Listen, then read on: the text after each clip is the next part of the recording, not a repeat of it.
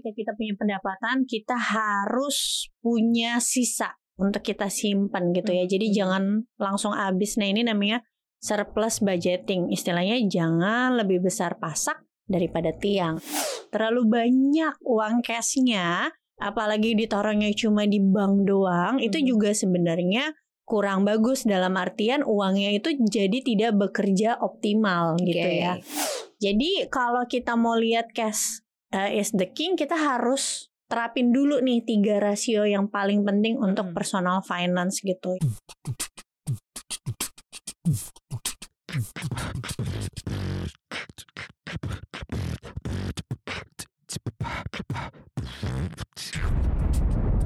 Cuap-cuap cuan.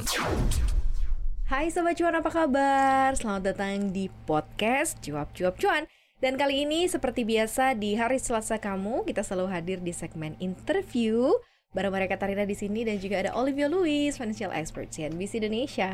Hai Kak Oli. Hai.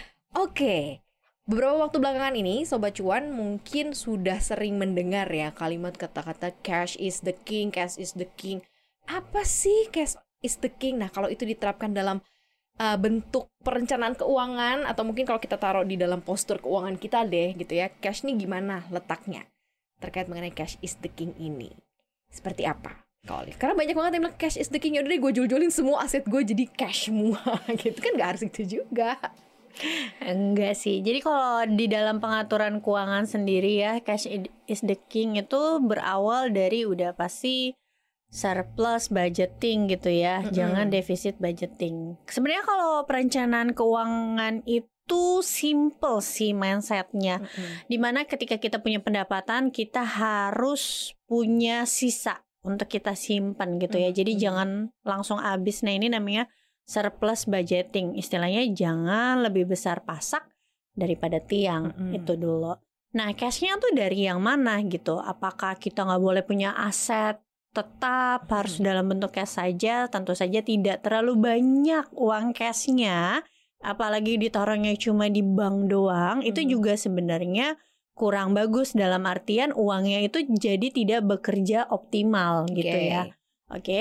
Jadi kalau kita mau lihat cash uh, is the king, kita harus terapin dulu nih tiga rasio yang paling penting untuk Mm-mm. personal finance gitu. Yang pertama adalah rasio likuiditas. Cashnya di sini rasio likuiditas itu yang sobat cuan sering dengar namanya adalah dana darurat ya. Mhm. Jadi rasio Mhm. likuiditasnya itu misalnya 3 sampai 6 kali pengeluaran. Nah, itu cash yang kita pakai untuk jadi bumper gitu Ya, ya apabila terjadi keadaan darurat.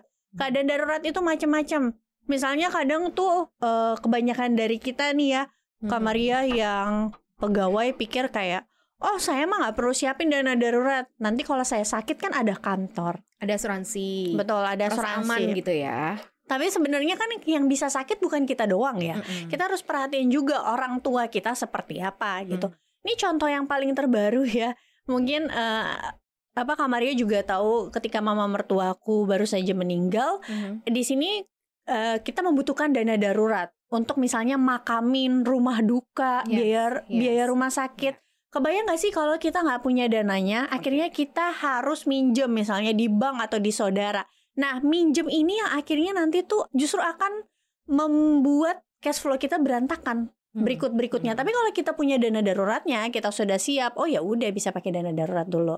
Berarti Mm-mm. dengan kata lain dengan cerita ini terkonfirmasi deh pada saat itu ya cash adalah rajanya karena kita Betul. nggak bisa lagi menggunakan uh, bagian postur yang lain selain Betul. mengeluarkan cash yang kita punya. Betul. Oke. Apalagi kalau misalnya kita punya investasi ya jangan sampai kita jual saham atau reksadana Betul, kita betul. untuk keadaan yang darurat gitu kan Mhm. sayang banget ya. Mhm. Iya kalau sahamnya lagi hijau, kalau Hmm. lagi merah ya kan portonya Aduh. gitu. Itu yang pertama. Yang Itu kedua. ra- rasio yang kedua adalah debt uh, to rasionya. Hmm. Jadi debt kalau di perusahaan kan kita ngomongnya debt to equity ya. Kalau di personal personal finance juga ada debt ratio. Jadi debt ratio itu kita nggak boleh punya hutang lebih dari 30% pendapatan kita setiap bulan atau setiap tahunnya. Misalnya Oke. nih, contoh kalau kita punya KPR, tapi biasanya juga kalau KPR itu bank itu tidak akan approve kalau pendapatan per bulan kita itu cicilannya itu melebihi dari 30% pendapatan kita Mhm, gitu. mhm. Cuma ya kadang ada juga loh yang bisa sampai 50% cicilan KPR-nya Mhm. atau bahkan hutang konsumtif gitu. Misalnya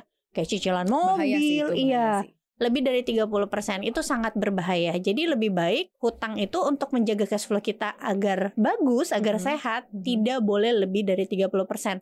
Termasuk juga hutang produktif dan juga hutang konsumtif. Mhm. Kadang soalnya kita tuh karena kalau kebanyakan cicilan ya Kak Maria, misalnya nyicil TV, oh kelihatannya kayak cicilannya kecil setiap bulan, akhirnya nyicil lagi, ambil lagi cicilan elektronik Mhm, yang lain, mhm. yang lain, yang lain, Numpuk, Bo. menumpuk tanpa disadari akhirnya cicilannya tuh udah gede aja Iya, gitu. iya. Apalagi sekarang ada tuh toko-toko baju yang aku tahu ya, baju-baju yang suka kita pakai, suka ditawarin kan. Ini bisa loh program eh, apa 0% 3 bulan. Itu tuh bisa menimbulkan impulsif buying jadi hati-hati. Itu Oke. rasio yang kedua. Lalu rasio yang ketiga sudah pasti investasi. Jadi Hmm. kita tuh kalau mikirin cash flow, jangan cuma pikirin cash flow hari ini saja atau Hmm. satu tahun ini saja. Tapi kita juga harus pikirin cash flow kita ketika nanti kita pensiun gitu Oke. ya atau di masa yang akan datang. Dari mana nih kita hidup? Gimana Hmm. nih kita punya aliran masuk? Kalau cash flow itu kan artinya uang keluar masuk. Kalau Hmm. nanti kita pensiun jangan sampai cuma uang keluar doang, uang masuknya nggak ada gitu. Hmm, Kalau Karena rata-rata kan orang pensiun pengennya gaya hidupnya sama sama Hmm. kayak masih punya duit gitu ya, Betul. tapi nggak dipersiapkan gitu. Iya. Akhirnya uangnya keluar terus nggak ada yang masuk kan. Iya. Biasanya umumnya malah jadi ngebebanin anak kan, kayak bayarin Ah, arisan. Ada loh yang kayak gitu. Orang tuanya Bener. tetap heboh, pengen arisan, anaknya Mm-mm. suruh bayarin gitu ya. Hmm. Nah kita harus pikirin juga cash flow yang masuknya kita punya nggak. Nah maka itu kita harus investasi dari sekarang. Contoh misalnya kalau sekarang kita pendapatannya 10 juta, berarti misalnya nih kita usia 30 tahun, kita pensiunnya usia 55 tahun. Berarti kan kita punya 25 tahun untuk siapin dana pensiun tersebut. Ya. Ketika pensiun nanti berarti kita harus punya 25 kali pendapatan kita per tahun. Kalau pendapatannya sebulan 10 juta, satu tahun 120 juta, maka 25 kalinya itu berarti 3 miliar kan Hmm. kita harus punya. Nah, untuk mencapai ke 30 miliar dalam waktu 25 tahun, itu kalau kita berinvestasi saja di instrumen investasi yang returnnya 10% per tahun, tiap bulannya kita harus sisihin 2,2 juta. Mhm. Itu aja berarti udah setara 22% dari pendapatan kita. Mhm. Bayangin ya, itu untuk pensiun aja belum kita nyiapin dana pendidikan dan Ya, lain-lain. ya, ya, ya. Cuma sebenarnya sebenarnya duit lo yang masuk itu udah ada posnya sendiri-sendiri sih Betul. sebenarnya. cuma nggak perlu dikhawatirin kayak aduh takut banget kayaknya nggak bakal kecapai nih dana pensiun. Jangan khawatir kalau sobat cuan yang biasanya pegawai baik Mhm. swasta dan negeri biasanya kan kantor juga menyediakan Mhm. dana pensiun tapi ingat nggak mungkin 100% bisa mengcover jadi sobat cuan harus tetap sisihin gitu ya jadi seenggaknya porsinya nggak sampai 22% tadi lah Mhm, tapi mhm. misalnya bisa setengahnya setengahnya lagi nanti ada program dari kantor kalau kita sampai pensiun di kantor tersebut terus juga ada dari BPJS Mhm. JHT dan lain-lain seperti itu Jadi seperti itu ya sobat cuannya oh, untuk kita berbicara mengenai uh, kondisi cash. Jadi kita pahamin tadi tiga rasio yang sudah disampaikan sama Kak Olive ya. Dari uh, rasio apa Liquidity. namanya? liquidity, debt dan juga investasi.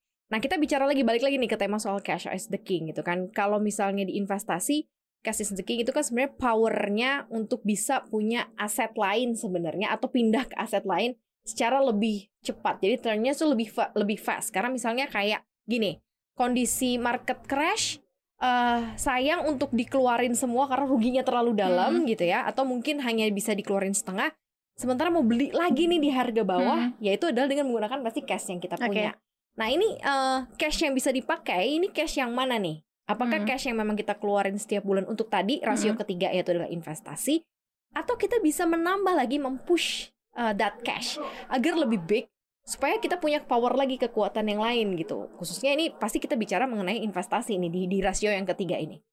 Oke, jadi kalau ini kita masuknya ke money management ya. Mhm. Money management akan mempengaruhi cash flow kita. Misalnya ketika kita berinvestasi katakanlah di saham. Kita tuh kalau membeli misalnya indeksnya sudah terlampau mahal. Kita kan Mhm. bisa lihat ya indeks tuh ter- terlampau mahal seperti apa. Misalnya kita lihat indeks tertinggi terakhir di angka misalnya 7.500. Kalau kira-kira indeksnya sudah mendekati 7.500, berarti kita jangan paksain lagi untuk investasi. Nah, kalau kita-kita nih yang punya uang misalnya pendapatan tetap yang dapatnya itu setiap bulan pasti ada, Jadi karena kita udah nggak bisa nambah sahamnya, Mhm. karena indeksnya sudah terlalu mahal atau saham yang kita pegang valuasinya juga sudah terlalu mahal, tapi kita punya cashnya yang dari kita sisihin, Mhm. maka kita apain? Tetap beli sahamnya atau enggak? Enggak, tunggu dulu. Oke. Tunggu dulu misalnya bisa taruh dulu nih di reksadana, reksadana pasar uang atau reksadana pendapatan tetap yang eh, resikonya cenderung lebih rendah. Tabung dulu di situ, Mhm. Tunggu ketika nanti misalnya marketnya terkoreksi atau sedang crash baru itu dicairin dipindahin. Mhm. Jadi jangan karena kita berpikir oh saya maunya investasi di saham aja tapi di setiap waktu di setiap momentum di saham kita Mhm. masuk juga Mhm. sebenarnya kurang ideal juga karena kalau sebuah saham valuasinya atau indeksnya juga sudah terlalu mahal lebih baik kita jangan paksain diri untuk membeli di harga tersebut gitu Mhm. sabar aja menunggu gitu jadi uang kita yang udah di dalam saham ya biarin aja dulu dia bekerja gitu. Hmm, Jadi, oke. supaya ketika harga sahamnya turun kita nggak terlalu banyak cut loss kalau misalnya Hmm, hmm, hmm. biasanya tuh kan orang yang nyangkut itu apa yang belinya terlalu di atas betul. Ikutan Gitu. ikutan apa namanya terbawa emosi Iya, dan FOMO ya. iya Oke. Jadi seperti itu. Jadi kalau kita kembalikan lagi eh, nggak literally cash is the king terus kemudian kamu bisa memperlakukannya eh, Hmm. dengan tidak beraturan gitu ya. Tapi justru mungkin cash ini juga sebagai salah satu aset eh, lindung nilai juga kali ya Betul. buat kita ya. Bisa ditaruh di aset yang lain yang jauh lebih eh, aman ya, mungkin bukan lebih aman ya, mungkin resikonya resikonya cenderung lebih rendah cenderung kecil gitu. Nah, kita kalau kita bicara mengenai cash is the king ini ada nggak sih proporsi proporsi yang bisa diterapkan untuk rasio keuangan pribadi? Kalau misal dana darurat kan udah jelas nih ya. Iya. Cash itu termasuk ke dalam dana darurat atau si cash ini eh, keluar dari dana darurat sebenarnya? Oke, jadi kalau cash sendiri ya, cash itu sudah termasuk di dalam dana darurat. Tapi Oke. kita harus bedain lagi, apakah kita punya financial goals jangka pendek?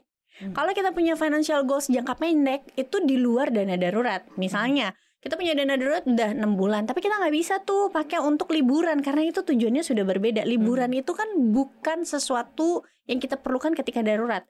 Jadi kalau sobat cuan pengen liburan, liburannya misalnya enam bulan lagi, itu kan termasuk jangka pendek ya. Mhm. Satu tahun lagi juga termasuk jangka pendek. Harus bedain lagi cashnya, Hmm, gitu. oke. Harus sisihin lagi cashnya. Nah, sisihin cashnya ini untuk liburan atau financial goals jangka pendek, misalnya mau beli kamera atau mau beli handphone, taruhnya di mana? Boleh di rekening biasa atau boleh juga taruh aja di reksadana pasar uang atau di bank digital sekarang kan Hmm. banyak tuh yang Lebih bagus kasih malah returns-nya. Iya, yang Hmm. kasih bunga-bunga yang yang lumayan lah Mm-mm, dibanding mm-mm. deposito. Boleh juga taruh di situ. Jadi pokoknya nggak boleh digabung. Dana darurat adalah dana darurat, cash untuk financial goals jangka pendek itu juga berbeda lagi. gitu. Oke. Walaupun ditempatkannya di aset yang sama, misalnya kayak tabungan atau mungkin ditaruhnya di pasar Oke. uang, reksadana pasar uang gitu. Ini supaya bisa punya pembeda bahwa ini adalah dana darurat saya, ini adalah cash flow saya atau cash yang bisa saya pakai kapan pun. Ini gimana caranya nih? Kadang-kadang kan masa harus buka lagi tabungan Hmm. sih kak? Kan buka tabungan kena biaya admin lagi, ini lagi gitu kan? Duit yang nggak banyak dipotongnya banyak. Biasanya banyak yang protes Mm-mm. kayak gitu. Nah ini apakah bisa kita maintain dalam satu akun atau kayak gimana? Ini bagus banget pertanyaannya. Jadi sekarang itu bagusnya adalah kita tuh punya banyak kemudahan ya dari kemajuan teknologi. Mhm. Bisa kita kalau dulu mungkin kita harus bikin beberapa bank gitu ya beda-beda dengan kartu ATM yang banyak gitu. Kalau sekarang untuk dana darurat sendiri misalnya dana darurat juga sebaiknya jangan 100% ditaruh di reksadana pasar uang ya. Karena takutnya nanti tiba-tiba ada kebutuhan Mendadak. mendesak, ah, mendadak uangnya suka lama cair kan Mhm. 2-3 hari. Jadi setengah-setengah lah. Nah sekarang juga ada bank digital, bank-bank digital kita nggak usah sebut mereknya apa, banyak lah yang kita tuh bisa bikin pos-posnya gitu loh, pocket per pocket. Oke. Jadi rekeningnya cuma satu, tapi kita bisa bagi pocket per pocket. Nah contoh nih, contohnya adalah misalnya aku tuh kalau kan aku ada beberapa karyawan, aku kalau gajian karyawan, terus juga aku harus kasih mereka THR kan after satu eh, nanti tahun depan. Nah aku udah sisihin tuh uang THR-nya dari sekarang, jadi setiap bulan aku sisihin berapa berapa di satu rekening tapi dengan pocket yang berbeda. Hmm. Jadi kita nggak bingung, ya kan? Jadi kita berbingung su- sudah ada alokasi-alokasinya itu sih kemajuan teknologi zaman sekarang. Atau kalau misalnya yang untuk tujuan jangka pendek, financial goals jangka pendek bisa taruh di reksadana. Di reksadana itu juga bisa kita bikin kayak semacam judulnya gitu atau pocketnya yang ini tuh uang yang ini atau instrumen investasi yang reksadana yang ini, produk reksadana yang ini untuk liburan misalnya ke Bali. Instrumen reksadana yang ini di aplikasi yang sama misalnya untuk dana darurat itu Oke. juga bisa.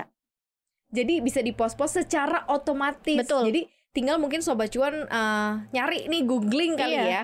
Mana dompet-dompet atau mungkin eh, akun-akun eh, digibank yang memang udah dikeluarkan Betul. dan punya kemudahan untuk bisa punya pos eh, terhadap eh, pos keuangan Iya. gitu ya. Mungkin bisa dicek terus mana yang cocok sama sobat cuan pilih.